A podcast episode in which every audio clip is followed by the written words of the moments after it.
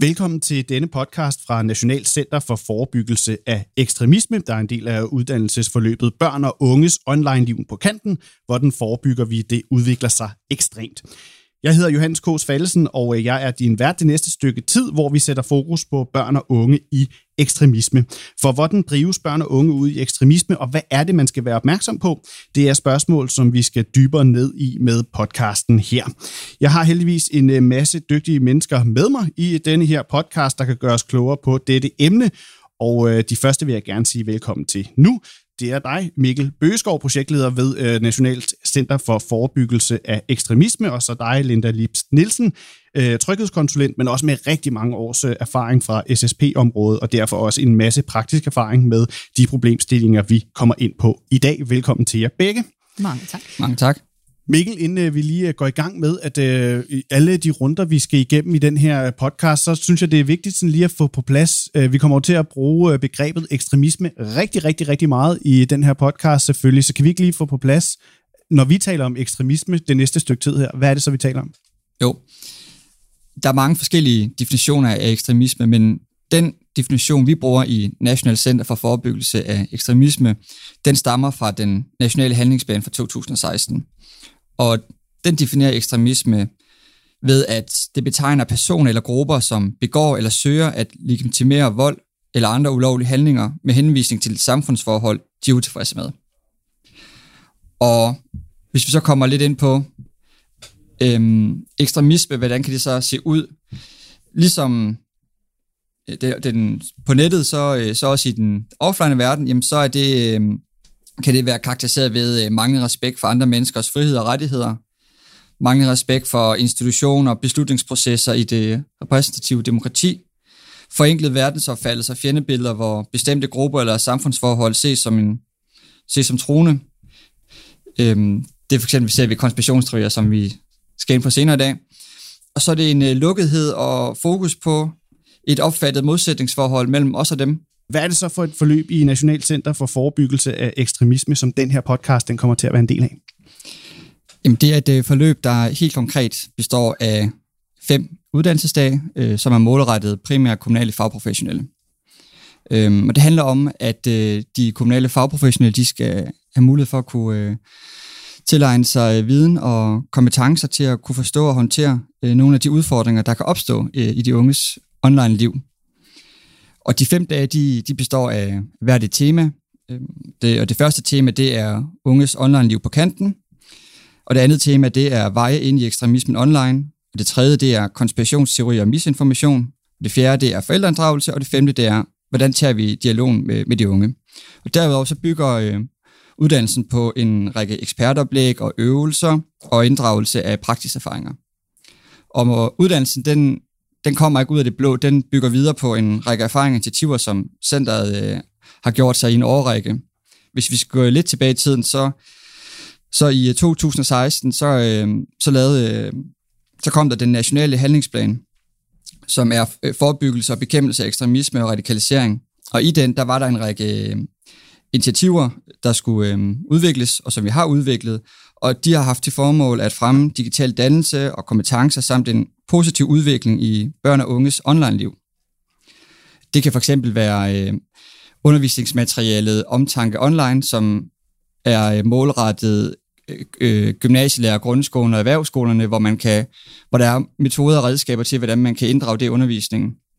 Øh, der er også en lang række andre initiativer, men det kan være, at vi kan komme ind på senere.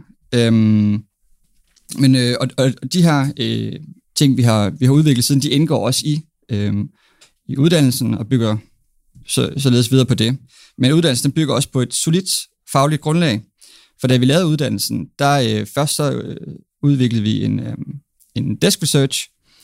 Øh, blandt andet øh, to af de senere øh, deltagere her i, øh, i podcasten, øh, Kit og Rikke, som stod for den. Og den, øh, den har ligesom, øh, ligesom været det faglige grundlag, grundlag for uddannelsen. Hvad, hvilken vidensgrundlag står vi på? Hvad ved vi om det?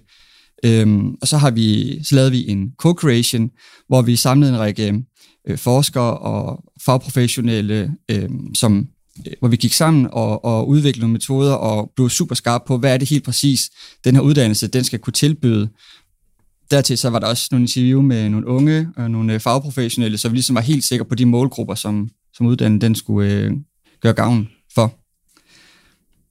Og Mikkel, øh, hvorfor er I har jo lavet en masse research her, som, øh, som, som du også nævner her, og alle de her uddannelsesrunder, som, øh, som du nævnte i starten, er jo også heldigvis nogle, vi kommer forbi alle sammen i øh, den her øh, podcast.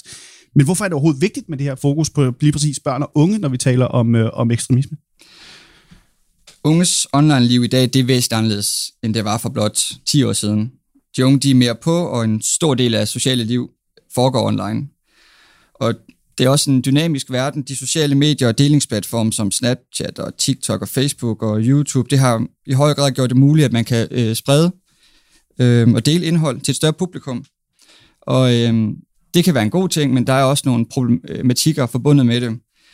Øh, eksempelvis så øh, børn og unge, de risikerer i dag hyppigere i deres online liv at støde på øh, indhold eller ideologiske holdninger, som kan karakteriseres som ekstremistisk.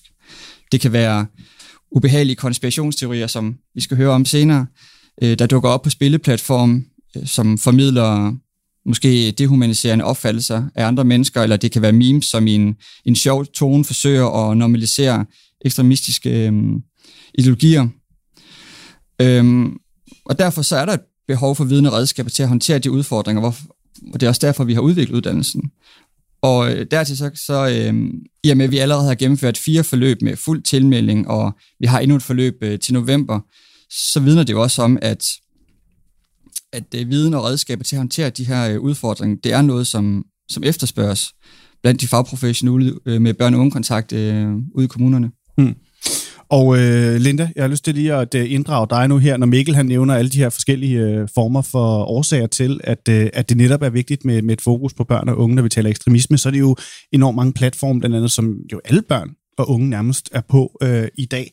Altså øh, med din store praktiske erfaring, hvor meget øh, af det her øh, tænker du så, der egentlig finder sted derude? Altså hvor, hvor, hvor, hvor udsat er børn og unge på, på de her platforme for, for ekstremisme? Jamen man kan sige, det vi i virkeligheden har lært på den her uddannelse, som er rigtig, rigtig godt, det er jo i virkeligheden det der med, at vi skal jo ikke ud og spotte øh, nogen, der kan, blive, der kan være ekstremistiske. Vi skal ud og undervise i at være opmærksom på og lære børn og unge om modstandskraft. Øh, og vi skal ud og se, når man nu støder på hadefuld indhold, hvordan gør man i virkeligheden. Så, så det der med at i virkeligheden at sige, at uddannelsen den er bygget op som sådan en kriminalitetsforebyggende trekant, hvor vi både i det tidlige forebyggelse, hvordan gør vi der nede i det helt små, og hvordan kan vi gøre netop, når man begynder at få hadefulde beskeder, øh, allerede der begynder at arbejde forebyggende, videre hen til det generelle og specifikke. Hvis vi pludselig står med en ung, som vi kan se ændre meget radikal adfærd, hvor er det så i virkeligheden, man kan søge råd og vejledning? Hvordan er det, man kan tale sammen om sine kollegaer, og hvordan kan man blive ved med at at dykke ned i at spørge nysgerrigt. Og det er ekstremt vigtigt, at man som voksen og som fagperson omkring et barn og en ung, kan blive ved med at turde være i at spørge nysgerrigt og spørge ind til, øh, og spørge ind til netop det her, så de unge får en modstandskraft, og vi selv som, øh, som fagpersoner netop på den her uddannelse lærer om de risikofaktorer, øh, børn og unge kan løbe ind i. Og det skal vi øh, dykke meget mere øh, ned i. Nu forhåbentlig vil jeg lige sige tak til dig, øh, Mikkel Bøgeskov, og Linda, du er jo heldigvis med os igennem sådan hele podcasten som sådan en gennemgående figur, så dig skal vi høre mere til også lige om lidt. Lad os dykke lidt mere konkret ned i emnet nu, for jeg kan byde velkommen til øh, Jon Christian Lange, seniorrådgiver her i øh, Red Barn, hvor vi også øh, optager podcasten. Jon beskæftiger sig med børns tilstedeværelse online, og blandt andet, hvordan de sådan kan blive groomet inde på nettet. Velkommen til dig, Jon. Tusind tak skal du have. Jon, øh, jeg synes, vi skal sådan starte helt fra begyndelsen øh, med, med, med, med det her emne, som, som, som du kan komme ind på. Fordi, altså, hvordan begynder det, hvis et øh, barn skal drives ud i ekstremisme online? Ja, der er jo mange veje ind i ekstremisme, og det er også det, som uddannelsen ligesom har fokus på.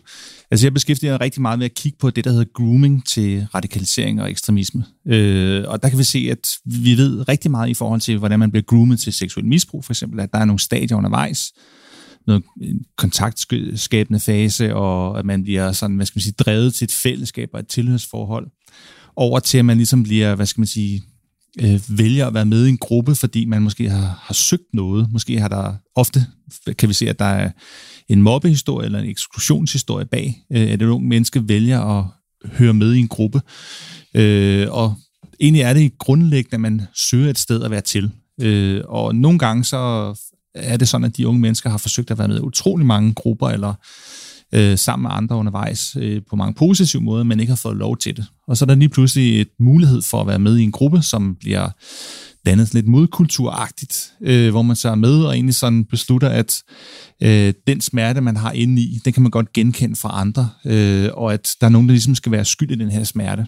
Øh, og, øh, og det kan gøre en, en, en god driver i forhold til at finde et, øh, et, et, hvad skal man sige, et fællesskab, som kan være udvikle sig ekstremt Øh, må jeg lige spørge noget, fordi at, øh, jeg kan ikke lade være med at tænke på, om, øh, om, om, om, det sådan er, om det, du kommer til at sige nu her, er sådan noget meget sådan generelt, eller ikke meget, men altså sådan, øh, om ekstremisme generelt, eller er der forskel på, hvilken form for ekstremisme det er, at, øh, at, øh, at børn, øh, hvordan øh, børn og unge bliver groomet til?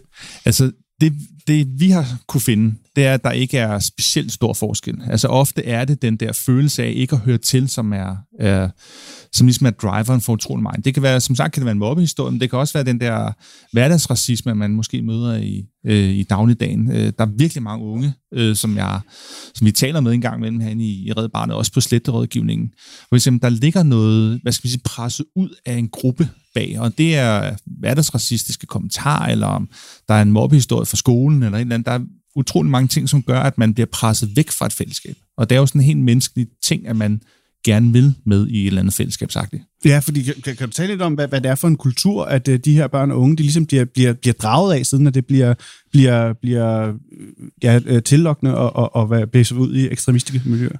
Jamen, ofte kan vi se, at det er, sådan en, det er en modkultur, altså en, en kultur mod det eksisterende og det pæne og det, man ikke har fået lov til at være en del af. Det er i hvert fald en ret stor del af det.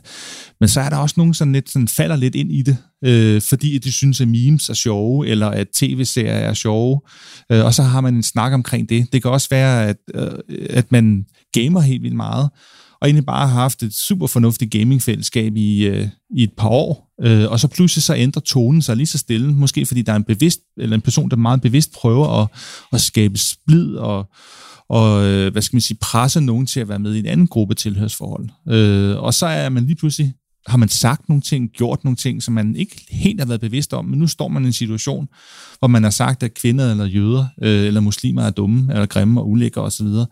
Øh, og så er det svært at komme ud af igen, fordi man egentlig så synes man måske ikke, at det, det er sådan, det er, men det er et skide godt fællesskab på alle mulige andre parametre. Derfor så bliver man der i længere tid. Og, og nu hørte vi Mikkel øh, tidligere tale omkring, øh, han nævnte jo en masse forskellige øh, sociale medier og platforme, som jo vi alle sammen kender, og som øh, vi måske også har nogle børn, som, øh, som, som er på sådan rimelig hverdagsagtige og hjemmevandt og sådan noget. Altså, foregår det her på, på, på, på sådan nogle helt gængse platforme? Nu nævnte Mikkel selv Snapchat for eksempel. Det kan foregå utrolig mange platforme. Det kan også foregå relativt langt ned. Altså vi kan se nogle af de første grooming-forsøg, altså aldersmæssigt, vi har, har spottet til grooming til ekstremisme for eksempel, at det har været helt nede i 7-8-9 års alderen øh, på nogle af de der meget små, eller de medier, der er for meget små børn, ikke? hvor nogen, der bevidst går ind og prøver at ødelægge en stemning øh, og piske diskussioner op og uenighed, og så efter nogle måneder sige, øh, men her i denne her gruppe, øh, hvor vi kan snakke videre sammen, der er der altså plads til at have de ekstreme synspunkter, som du har. Mm. Øh, så nogle gange de der grooming-processer kan jo tage flere år, inden de sådan bliver farlige og kriminelle. Ofte er det egentlig bare et sted at være, hvor man kan, hvad skal man sige, ytre sig med skæve holdninger, øh, og noget, der ikke i andre fora er populært. Og, og Linda, altså Jon han nævner altså børn ned til 7, 8, 9 års alderen i, øh, i, i forbindelse med, med ekstremisme. Altså hvad, hvad, ja, hvad, hvad er dine erfaringer med det her? Det lyder jo på, på sådan en lægmand som mig meget ungt. Ja, og det er jo også, hvis man begynder på et lærerværelse eller nede i en klub og sidde som personale og tale om det her, så, så er det jo enormt svært, fordi hvor starter man henne? Og det er jo netop det, uddannelsen kan. Det er jo netop det, den viser med små ting, at det der med, at det er et fællesskab, der er tillukkende. Så det forpligter også, når man har været på uddannelsen, til at sige, hvordan ser vi på børns fællesskaber? Øh, hvordan kan vi drøfte børns fællesskaber øh, som kollegaer? Hvad kan vi holde øje med? Jeg plejer at sige, stolen med de fire ben. Sidder man godt på stolen, så er der så er der far og mor, familiedelen, så er der skolebenet, så er der fritidsbenet, og så er der netbenet. Og har vi som fagpersonale, i virkeligheden, når vi drøfter en ung og et barn, har vi tjek på alle fire stoleben, og sidder den unge godt fast. Og sidder den unge godt fast der, så kan vi også pludselig, når vi spørger ind igen, begynde at sige, nu begynder de på netbenet og tale om noget helt andet, end vi i virkeligheden har været opmærksom på. Så hvordan kan vi spørge nysgerrig ind på det ben? For vi kender de andre tre ben, men vi kender ikke det sidste stoleben. Det bliver vi nødt til at være mere nysgerrige på. Ja, specielt også fordi, at øh, når, når, når vi nævner, at det er sådan nogle fuldstændig gængse øh, sociale medieplatforme her, så kan det jo måske også være lidt svært sådan at, at stå og, og, og se på som, øh, som fagperson, eller sådan udefrakommende, sige, det er jo bare Snapchat. Ja, og, altså, ja. ja, og det er jo lige præcis det, når vi siger, jamen, hvad er Snapchat, hvad er YouTube, hvad er TikTok, og hvad er de reklamer, der er derinde? Og kan man begynde at spørge nysgerrig og sige, hvorfor har du valgt den her TikTok? Hvorfor har du valgt den her YouTube? Hvad var det, der var fedt ved den? Øh, er der nogle gange noget, der forstyrrer? Øh, kan man begynde at spørge det, så kan man jo både bruge det i, øh, i skoledelen, i klubdelen, så man ikke siger, når nu er man inde i et computerrum, og så kører det, fordi man sidder og spiller et eller andet spil eller gamer.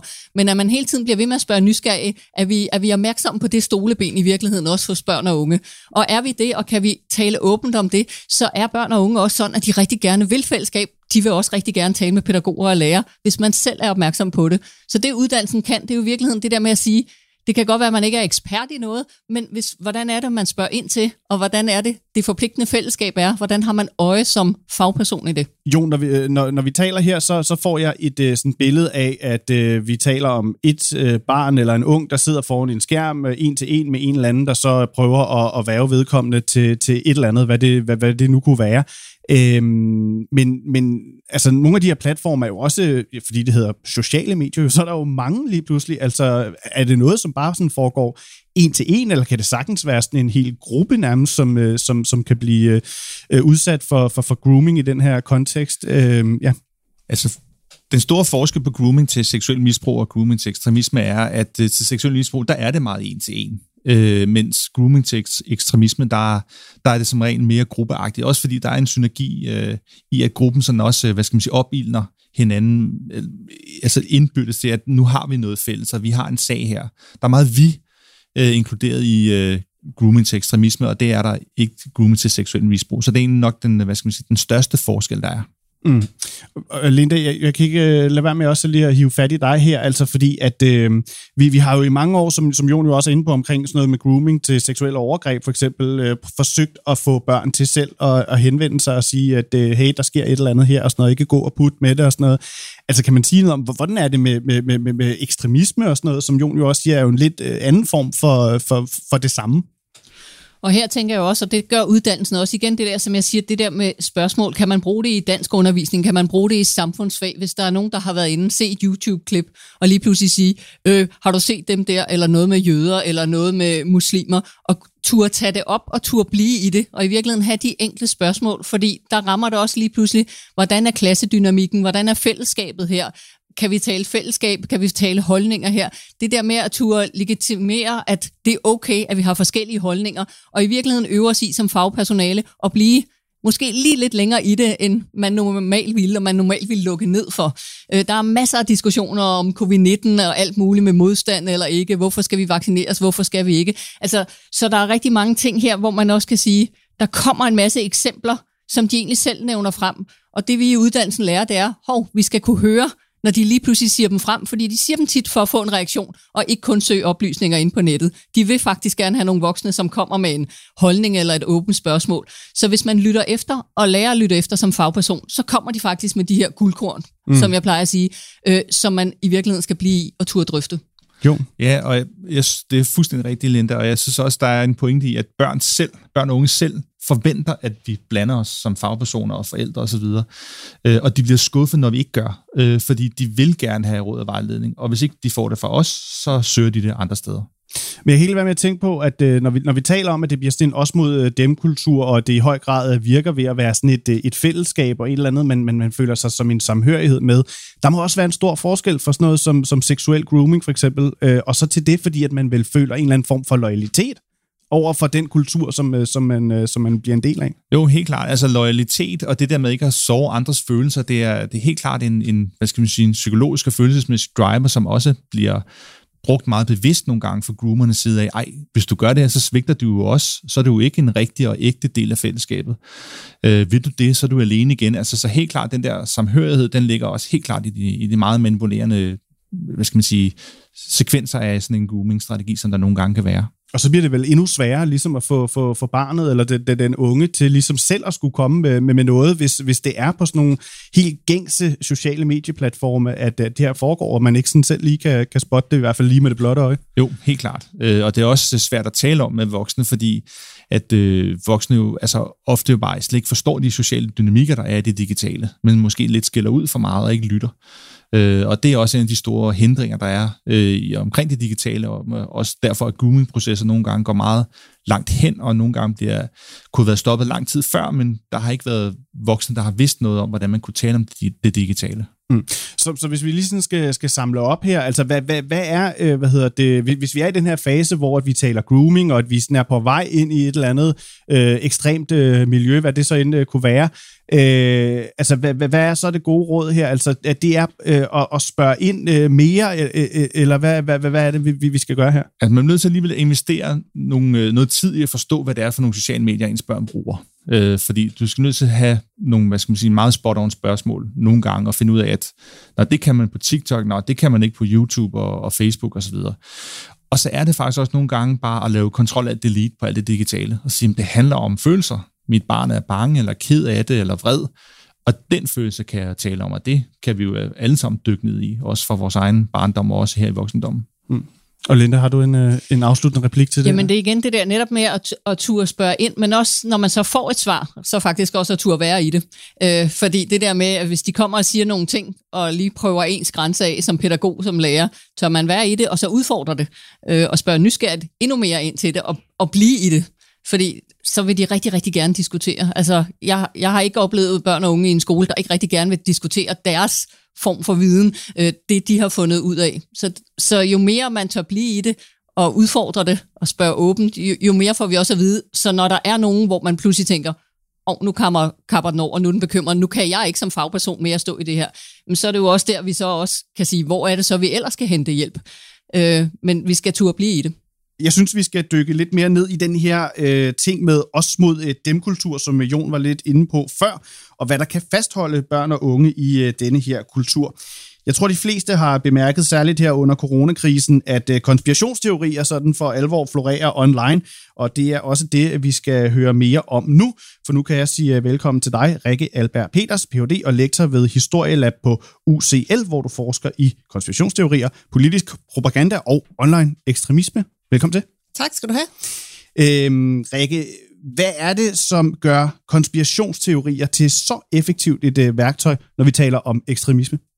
Altså vi kan jo sige, at det helt grundlæggende, så kan man definere en konspirationsteori som sådan en antagelse om, at der bag de fænomener eller begivenheder, vi vidner til, der er i virkeligheden en skjult årsag eller plan, altså noget, der holdes skjult for os, øh, for offentligheden, og at der frem for alt står nogen bag det her, øh, den her konspiration, altså det her med at holde noget skjult. Så en konspirationsteori vil altid være enormt meget optaget af at prøve at finde ud af, hvordan tingene virkelig hænger sammen, i virkeligheden er foregået, den rigtige sandhed, og i samme åndedrag så også at udpege nogen skyldige, og være meget opmærksom på, hvem er det så, der står bag det her, og hvem er det, vi kan klandre for det her. Så det vil sige, en konspirationsteori vil altid sådan i sin grundessens være optaget af at udpege øh, og definere en fjende, og dermed operere med øh, tydelige fjendebilleder, og også øh, har hele tiden den her tendens til at finde søndebukke, som, vi kan, som vi kan hænge ud, og som vi også kan stille til regnskab, og som vi måske endda kan, kan anklage i, i samfundet.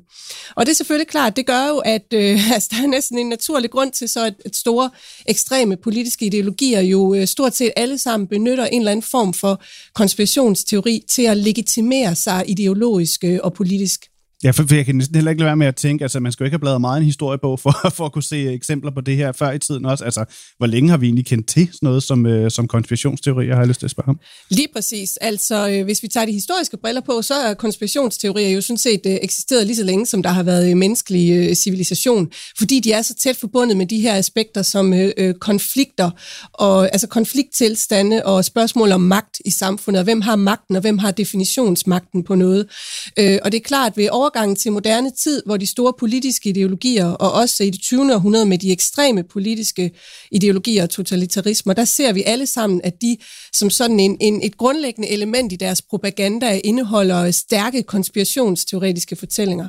Så kan man dog sige, at det er væsentligt at øh, holde fast ved, tror jeg, at det ikke er sådan, at en konspirationsteori altid vil føre til politisk ekstremisme. Men omvendt kan man sige, at øh, politisk ekstremisme vil altid indeholde konspirationsteorier som en del af deres, øh, propaganda og, og, og grundfortælling.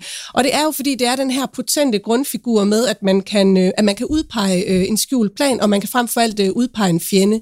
Så det hænger jo meget tæt sammen med det, du var inde på indledningsvis, det her, øh, hvad skal vi sige, den her polarisering og den her øh, øh andetgørelsesteknik, eller den her dæmmer os øh, polariseringstendens. Det, det er sådan set det, vi ser, øh, der sker i de her, øh, i de her konspirationsteorier. Og mange af de øh, konspirationsteorier, som man også kan læse om i, i historiebøger og sådan noget, er jo stadig nogen, der florerer. Altså de her særligt, særk, øh, særligt stærke øh, konspirationsteorier. Altså bare inden vi sådan begynder at dykke konkret ned i det i forhold til ekstremisme og sådan noget, altså er det overhovedet et, øh, hvad kan man sige, skal man overhovedet have som mål, at man skal øh, altså få, få øh, slået den her konspirationsteori ned? Eller bliver man bare nødt til ligesom at, at acceptere, at øh, den kommer jo nok til at være der hele tiden? Øh, altså fordi, ja, det, det, der, der er jo rigtig mange af dem, der findes stadig. Ja da, det er et rigtig godt spørgsmål. Og nej, det er selvfølgelig umuligt på den måde at, at slå alle konspirationsteorier ned. Det kan man jo ikke, men vi er jo nødt til at forholde os til dem, især i forhold til, til det her emne, vi drøfter i dag, i forhold til, hvis øh, det er noget, som vi ser også i stigende grad, at børn og unge jo på en eller anden måde bruger den form for argumentationsmåde og støder på den på de sociale medier. Så det er jo ikke længere noget, der, der heller er helt fremmed for, for børn og unge. Og der skal vi selvfølgelig også igen passe på med at skelne med forskellige, øh, øh altså skelne mellem forskellige typer af konspirationsteorier, fordi der er jo rigtig mange konspirationsteorier, som er uskyldige, og som er ret sjove, eller typen en eller anden kendt person, Michael Jackson eller Lady Di, stadigvæk lever og, og har gemt sig nede i junglen i Argentina, eller et eller andet. Altså den type konspirationsteorier er jo sjove, og jo, har jo mere sådan præg af at være, være myter og, og, og skæve fortællinger, som har en høj underholdningsværdi. Og rigtig mange af de tv-serier, øh, Stranger Things, Netflix-serien der, som mange børn og unge ser, er et rigtig godt eksempel på. Øh, altså man kan sige, at, at Hollywood-film øh, øh, øh og serier jo bruger konspirationsteorier som sådan en narrativ motor. Øh, fordi det er brand gode fortællinger, fordi vi har de gode og de onde. Vi har øh, omstillingsøjeblik, hvor skældet falder for øjnene, og vi opdager, hvordan tingene i virkeligheden hænger sammen. Og det er jo bare den øh, list, som rigtig meget, øh, rigtig meget populær kultur er, er skåret over. Og det er der for så vidt ikke øh, noget galt med.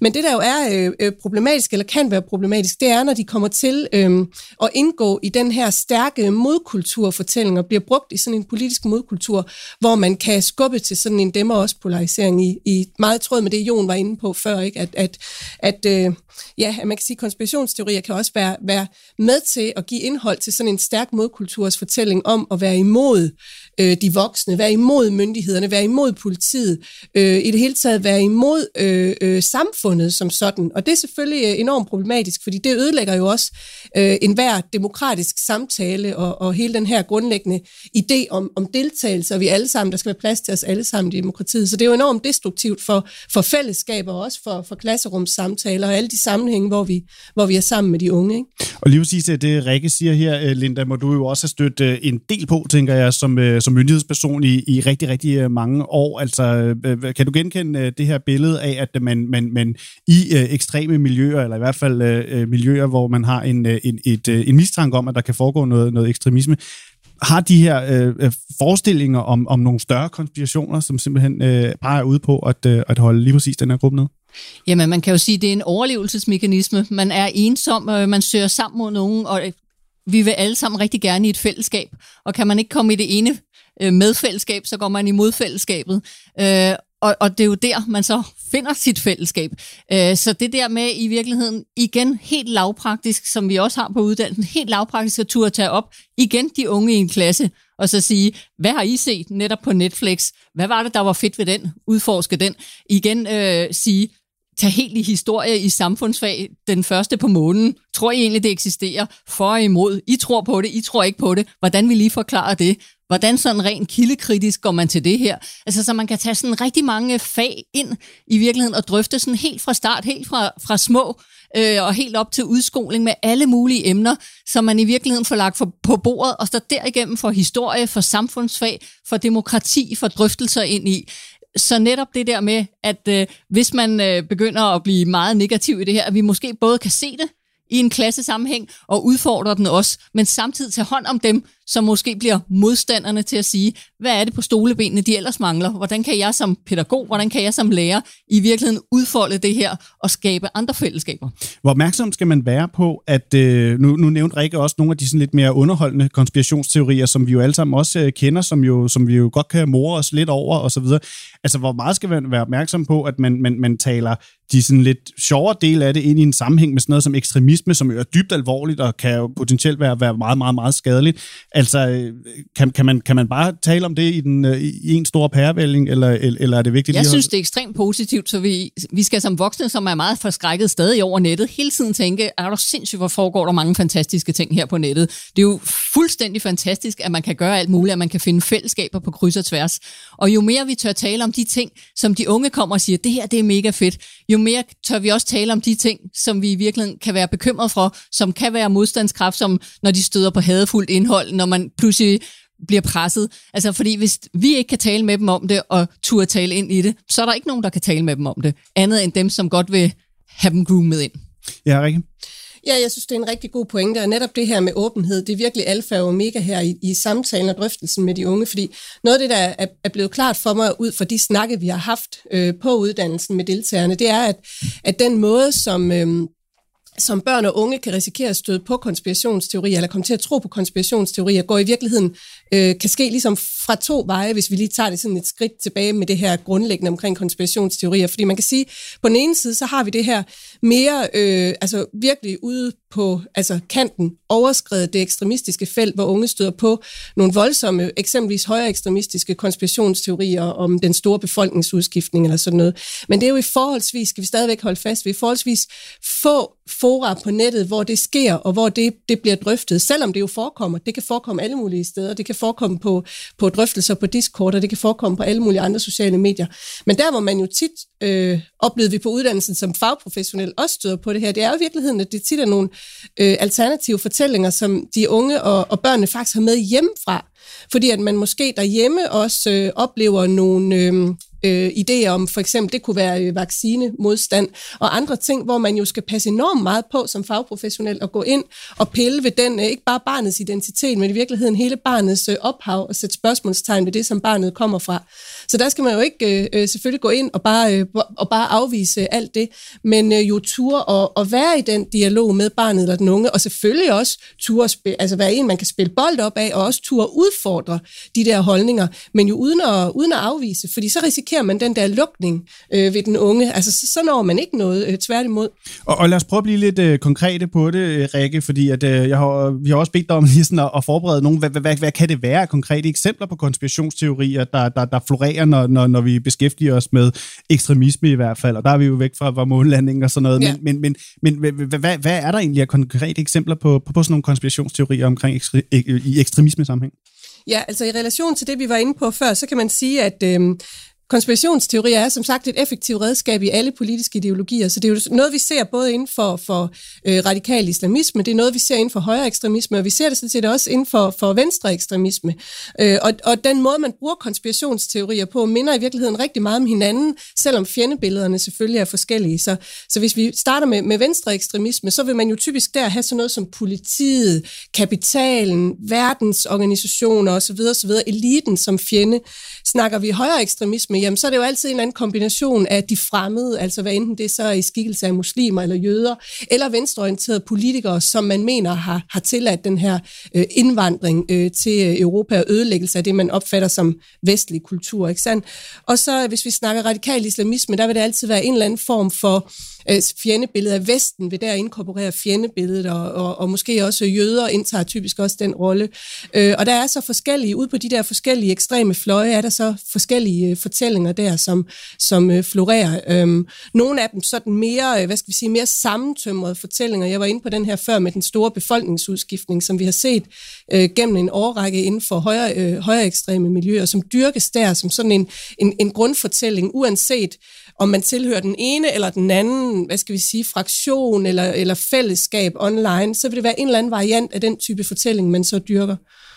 Og, og hvis vi sådan lige her til sidst også skal, skal prøve at komme med, med, med, med nogle gode idéer til, jamen altså nu, nu blev vi lidt enige om i starten her, at det, at det måske er spildte kræfter at prøve sådan at decideret modargumentere og vinde på en eller anden logisk måde over sådan en uh, konspirationsteori, fordi den jo, øh, jo grebet i ulogiske universer, kan man ligesom sige. Uh, hvad, hvad, hvad er det så mere konkret, man kan gøre? Altså, hvad, hvad, hvad er det, man kan gøre for ligesom at få, få hvad hedder det, modtagerne af de her konspirationsteorier til måske at tænke lidt mere kritisk over dem?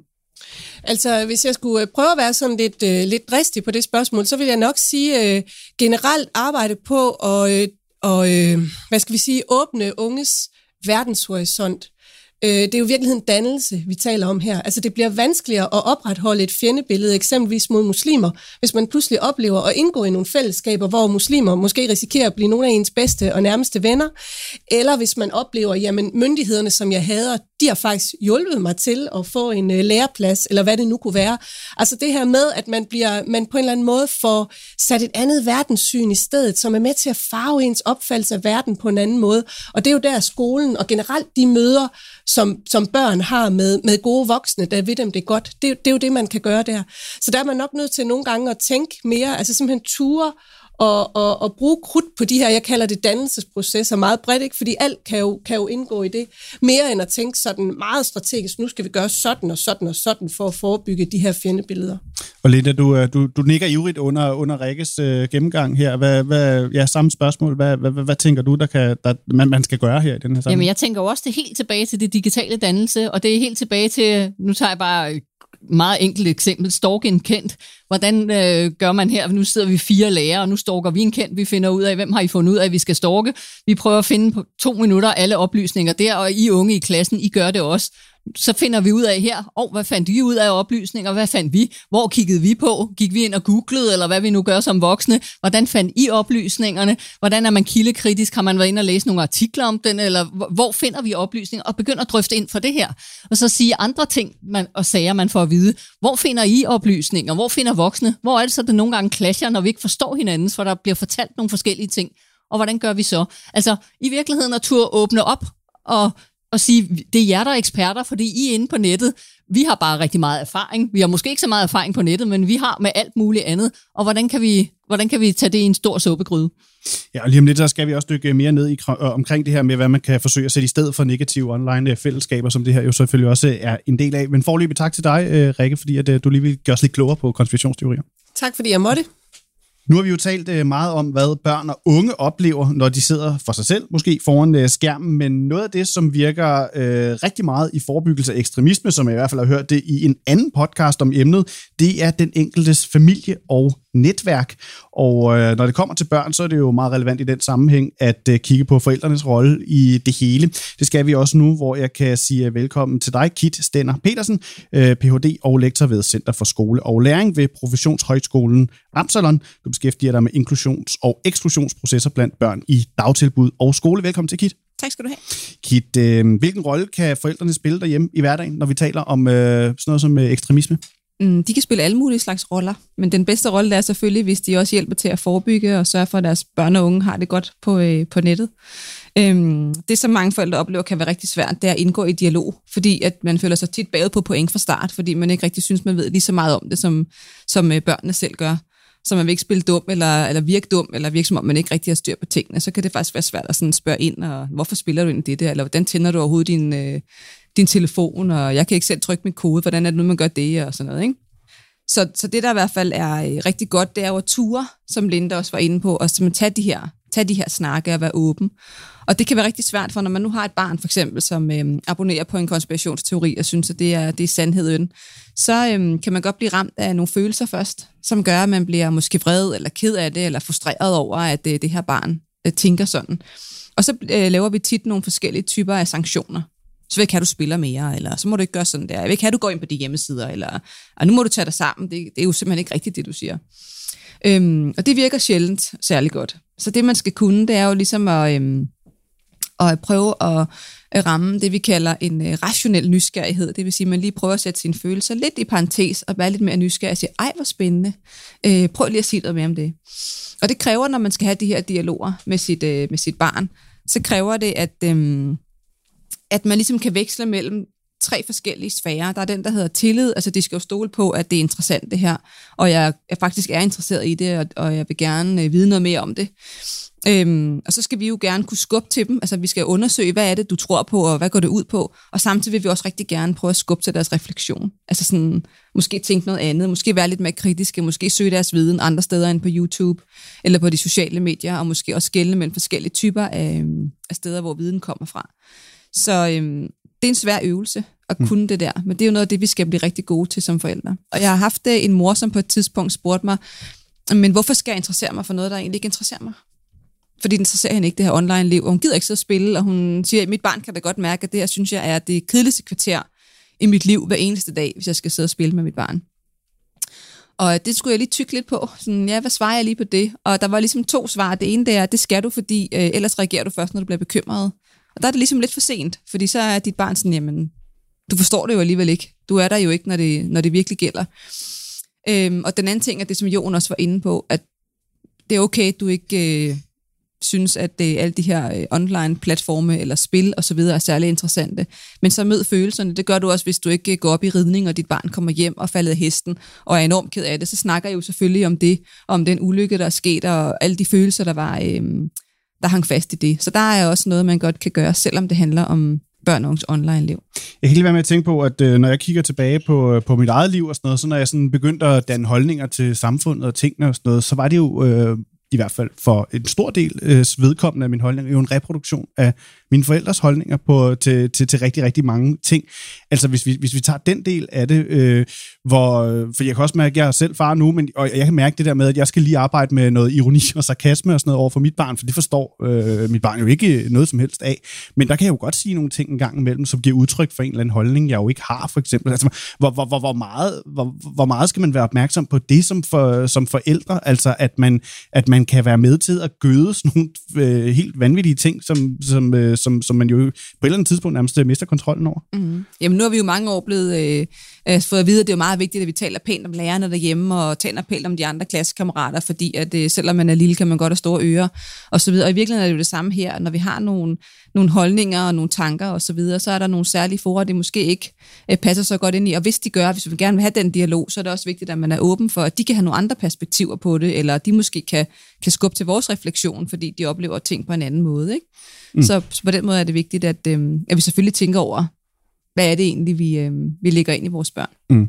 Linda, altså det er jo, det er jo, et, øh, det er et rimelig øh, hvad hedder det, stort spørgsmål, det her omkring forældrenes rolle, og, og hvilken rolle de spiller, fordi at man kan jo ikke komme udenom, at de spiller jo en kæmpe rolle, altså i alt, hvad der foregår i, i børns liv på godt og ondt. Altså, øh, hvad, hvad, hvad, hvad, hvad tænker du omkring hele den her problemstilling som, som forældre? Fordi som Kit jo rigtig, rigtig siger, så, så kan du godt være sådan, at jeg interesserer mig ikke en skid for, hvad der foregår på, øh, på, på nettet. Altså, hvad, hvad, hvad, hvad gør man, altså, når, når, hvis man har det sådan? Jamen igen, øh, på uddannelsen, der får vi sådan nogle helt konkrete værktøjer. Det kan være helt tilbage til, når vi starter i indskolingen til forældremøder. Hvordan tør man sætte sig her og være en uviden forældre i, at ens barn er på et medie, og man faktisk overhovedet ikke aner det, og man faktisk ikke interesserer sig for det. Hvad tænker I andre forældre? Og her der er vi helt nede i, at vi lægger emojis, øh, små emojis, der er klippet ud på bordet, og man tager op og siger, øh, hvad er dit forhold til dit barn spiller? Find en emoji, der passer til det, og så tag den op og tur tale ud fra det. Bare det der med igen, Forældre har også brug for et fællesskab. Forældre har også brug for at sige, det er faktisk rigtig svært at være i, min dreng i 8. klasse, han diskuterer noget, og jeg fatter simpelthen ikke, hvad han siger. Jeg forstår ikke halvdelen af det. Hvordan gør I andre? Øh, så jo mere man i virkeligheden tør tale åben om det til forældremøder og blive klædt på her som fagperson, til at gå ud og klæde på til ens kollegaer til. Det er meget enkelt at holde et forældremøde. Der skal ikke mere til, end vi klipper emojis ud og stiller to-tre spørgsmål. Så går snakken, for forældre vil rigtig gerne tale om, hvordan gør jeg det bedst for mit barn. Altså, her tænker jeg, der er en vinkel ind til forældre i, hvordan skal man tale om de her ting? Hvordan får vi de her emner op? Hvordan gør I andre? Man vil rigtig gerne være normalen. Man vil rigtig gerne gøre som andre forældre. Og blive bekræftet i, at andre forældre også har det svært i det. Det er faktisk rigtig rart. Ja, og der er vel også en eller anden, en eller anden form for balance, man skal prøve, prøve at ramme her, ikke? Fordi jeg var lige ved at spørge om, altså kan man nærmest gøre for meget? Og det kan man vel egentlig godt, tænker jeg, fordi man skal vel heller ikke være sådan helt øh, omklamrende, tænker jeg. Altså hvad, hvad, hvad er det for en grænse, man skal sådan prøve at ramme her? Jamen jeg starter rigtig tit til forældremøder med forældre, der ligesom man vil have alko- alkoholaftaler. Altså, det kan man hurtigt blive enige om, når der er i 5. og 6. Så begynder det at være anderledes, når man når 8. og 9. Og det samme her, vi vil rigtig gerne, vi vil gerne være ens, vi vil gerne have, hvor meget spiller vores børn, kan vi blive enige om det. Men i det, at man tør drøfte, hvad er forskellen? Er der forskel på, hvis dit barn sidder og ser på iPad'en og ser om valer, eller om de bare sidder og ser på YouTube? Altså, så, så det er ikke spiltiden i sig selv, der gør noget. Hvad er det, du bliver bekymret for? Hvad er det, de andre? Men måske laver aftaler om, hvornår er det, man slukker medierne, hvornår er det, man kan sige fra, hvornår er det, man kan spise aftensmad, hvordan er I selv, når I er på, eller I sidder og drøfter holdninger omkring nogle ting. Altså, det her, det er noget af det, man rigtig gerne vil drøfte til forældremøde. Det kan fylde hele forældremødet, og jeg tænker tit forældremøder, de fylder alt muligt andet, der kan gå ud på en mail. Forældre vil sindssygt gerne drøfte uvidenhed på nettet. Det er en af dem, som jeg i hvert fald kan se, når jeg er ude og holde oplæg, der, der er fuldt hus, til forskel fra rigtig mange andre ting, som de tænker, det har jeg en holdning til, det behøver jeg ikke. Her der er de uvidende, de vil rigtig gerne. Ja, så, så, så, så, så en del af, af løsningen, var jeg ved at sige, eller i hvert fald en del af metoden til at, til at kunne, kunne, kunne forebygge sådan noget som ekstremisme, det er simpelthen bare at, øh, eller bare siger så, det er måske at gøre sig lidt klogere på, øh, på, på hvad det er, der foregår øh, online med, med ens barn, Gitt. Ja, og måske også bare spørge mere ind til det. Altså, når vores børn kommer hjem fra skole, så er vi jo tilbøjelige til nærmest at øh, overfalde dem med, Nå, hvad har du lavet i dag, og har du en god dag, og hvad har du ellers prøvet, og hvem leger du med, og så videre. Og nogle af dem bakker helt ud og kan ikke huske noget som helst, men der er også nogen, der er gode til at fortælle. Og her kan man jo gøre det samme og sige, hvad har du egentlig liket i dag? Øh, hvem har du øh, været sammen med online? Hvem har du spillet med? Er der nogen fra klassen, som ikke er med i de der online-spil? Skulle vi invitere nogen, eller sørge for, at de også kommer med i, i online-verdenen? Eller er der nogen, der ikke er på snappen, eller ikke må, så må vi jo lige snakke om det, fordi der, hvis I det er der, man inviterer til fester, og, og der er det, alt det sociale foregår, så skal vi da lige have en dialog om det, og så videre. Ikke? Nu har vi jo med, med Jon og Rikke talt meget omkring det her med, hvad der er, der kan drage ind i sådan et, øh, et, et negativt øh, online-fællesskab. Øh, og hvis vi sådan skal tage udgangspunkt i, at man måske har et barn eller en ung derhjemme, der, der, der, hvor, hvor man konstaterer, at jamen, vedkommende er fanget i sådan et online, negativt online-fællesskab, som, som, som, som er ekstremt, Altså, øh, det, det gode spørgsmål er jo, hvad, hvad, er det, man kan, hvad, hvad er det, man skal forsøge at gøre øh, ved, det, ved, ved det? Altså, hvis du står med, med, med, med den øh, problemstilling, hvad, hvad er det så, man kan gøre? Ja, det er jo 100.000 kroner spørgsmål, Præcis. Johannes. Ja, det er derfor, vi har inviteret dig. ja, det er rigtig svært, og det er jo meget forskelligt fra, fra hver enkelt barn og fra hver enkelt ung, hvad det er, de er optaget af, hvad det er, der er grunden til, at man ligesom er der. Fordi som, som Linda også siger, så arbejder vi jo ikke ud fra sådan en, en skarp profil på, hvem er det, der er øh, særligt udsatte. Vi arbejder faktisk ud fra tanker om, at alle børn kan være udsat for øh, at komme galt afsted på de her online medier. Det vi dog ved, det er, at rigtig meget af det tit handler om, at man ikke rigtig føler, at man har et fællesskab, man hører til i. Og det er jo skolens opgave også at hjælpe med det og sørge for, at øhm, her er faktisk rart at komme, og jeg har lyst til at være der. Rigtig mange af de børn, der også lider af, af skoleværing, ikke kommer i skole, for dem er det ikke et problem. For dem er det løsningen ikke at komme. Øh, og det er lidt det samme her. Altså vi skal simpelthen gøre skolen til et rart sted at være, så man får får oprettet de der fællesskaber. Og så er der selvfølgelig nogle børn, der ikke har deres bedste ven i klassen. Og det skal vi som forældre tale med vores børn om, at det er helt okay. Fordi sådan er det. Det er ikke bare fordi man er seks år, er det ikke sikkert, at man har helt livet til fælles. Øhm, men det, som vores børn selvfølgelig skal lære, og som vi skal hjælpe skolen med også at, at sørge for, det er, at vi har respekt for hinanden, og vi kan godt samarbejde. Det gør vi også på vores arbejdspladser. Det er heller ikke sådan, at man nødvendigvis er bedste venner med dem, man er kollegaer med. Men vi respekterer hinanden, vi arbejder sammen, vi løser de opgaver, vi skal. Men mine bedste venner har jeg i nogle andre sociale rammer. Og sådan nogle skal der selvfølgelig være til alle børn. Så hvis vi har nogle børn, der føler sig uden for fællesskabet og ikke føler, at de har det, så skal vi jo hjælpe dem med at finde ud af, hvor kan du så få det henne. Og så må vi jo simpelthen prøve alt, hvad vi kan, og finde nogle steder, hvor at det, de interesserer sig for, og det, som der kan skabe et fællesskab, kan være noget af det, der bliver understøttet. Og det kan også være, at vi selv er nødt til at og, øh, og være dem, der opretter en, øh, en spillegruppe på nettet, eller understøtter, at man har nogen, man kan være sammen med, eller inviterer til de der små LAN-parties derhjemme og siger, okay, det kan godt være, at jeg kender de der tre venner, han har på nettet, men nu inviterer vi dem sgu og spørger, om ikke de gider komme til pizza og cola, og så øh, rydder vi kælderen, og så kan de sidde dernede, for så har vi da trods alt en følelse af, hvem er det egentlig, der, der er med her. Ikke? Og Linda, du, du, du sidder og nikker her. Altså, er det det, som, som, som, som virker, det er at uh, finde fodboldklubben, eller, eller hvad det nu kan være, uh, at sætte i stedet for, eller, eller er det, er Jamen, det mere det kompliceret end som så? Det er jo det, der er super svært, og det er jo det, der er den tidlige forebyggelse, fordi igen, har du en søn på 15, som sidder og spiller, og kun har kastet sig ind i det, fordi han har været ensom i rigtig mange år, så er det super svært at sige, du har aldrig spillet fodbold, og nu skal du herned, for så får du en kæmpe succesoplevelse, fordi du har aldrig spillet fodbold, og nu kaster vi dig ind blandt andre, der kan spille. Det er ikke der, så får man et nederlag til. Så det er jo hele tiden, nu kommer jeg tilbage med stolen med de fire ben, det er jo hele tiden i det forebyggende, som forældre også at sige, har jeg tjekket på det? Vi er det stærkeste stoleben, men der er tre andre, så, og man kan godt sidde på en stol med tre stoleben. Sidder man på to eller en, så kan man falde på rumpetten. Ikke? Altså, så det der med, hvad for nogle stoleben er der, kender jeg dem? Og jeg ved, at mit barn har rigtig meget på nettet. Hvad er de andre to stoleben? Og hvordan får jeg hele tiden som forældre det ansvar til at sige, hvordan får jeg dyrket fritidsbenet? Hvordan får jeg dyrket helt den lille alder? Hvordan får jeg dyrket skolebenet? Er der noget, der ikke fungerer der? Hvordan har jeg ansvaret som forældre til også at hjælpe til, til at samarbejde med klubpædagoger og til lærer, fordi at mit barn har brug for fire stoleben? Du kan også sagtens være i en familie, hvor der pludselig er en rigtig grim skilsmisse, så, så rykker det stoleben rigtig meget. Hvad er det så for nogle andre stoleben, mit barn kan læne sig ud på? Det bliver man nødt til at være opmærksom på, så det ikke bliver, at man søger trøst kun i online-benet. Online-benet er super vigtigt et, et meget vigtigt stoleben, men det må ikke kun blive det eneste. Mm.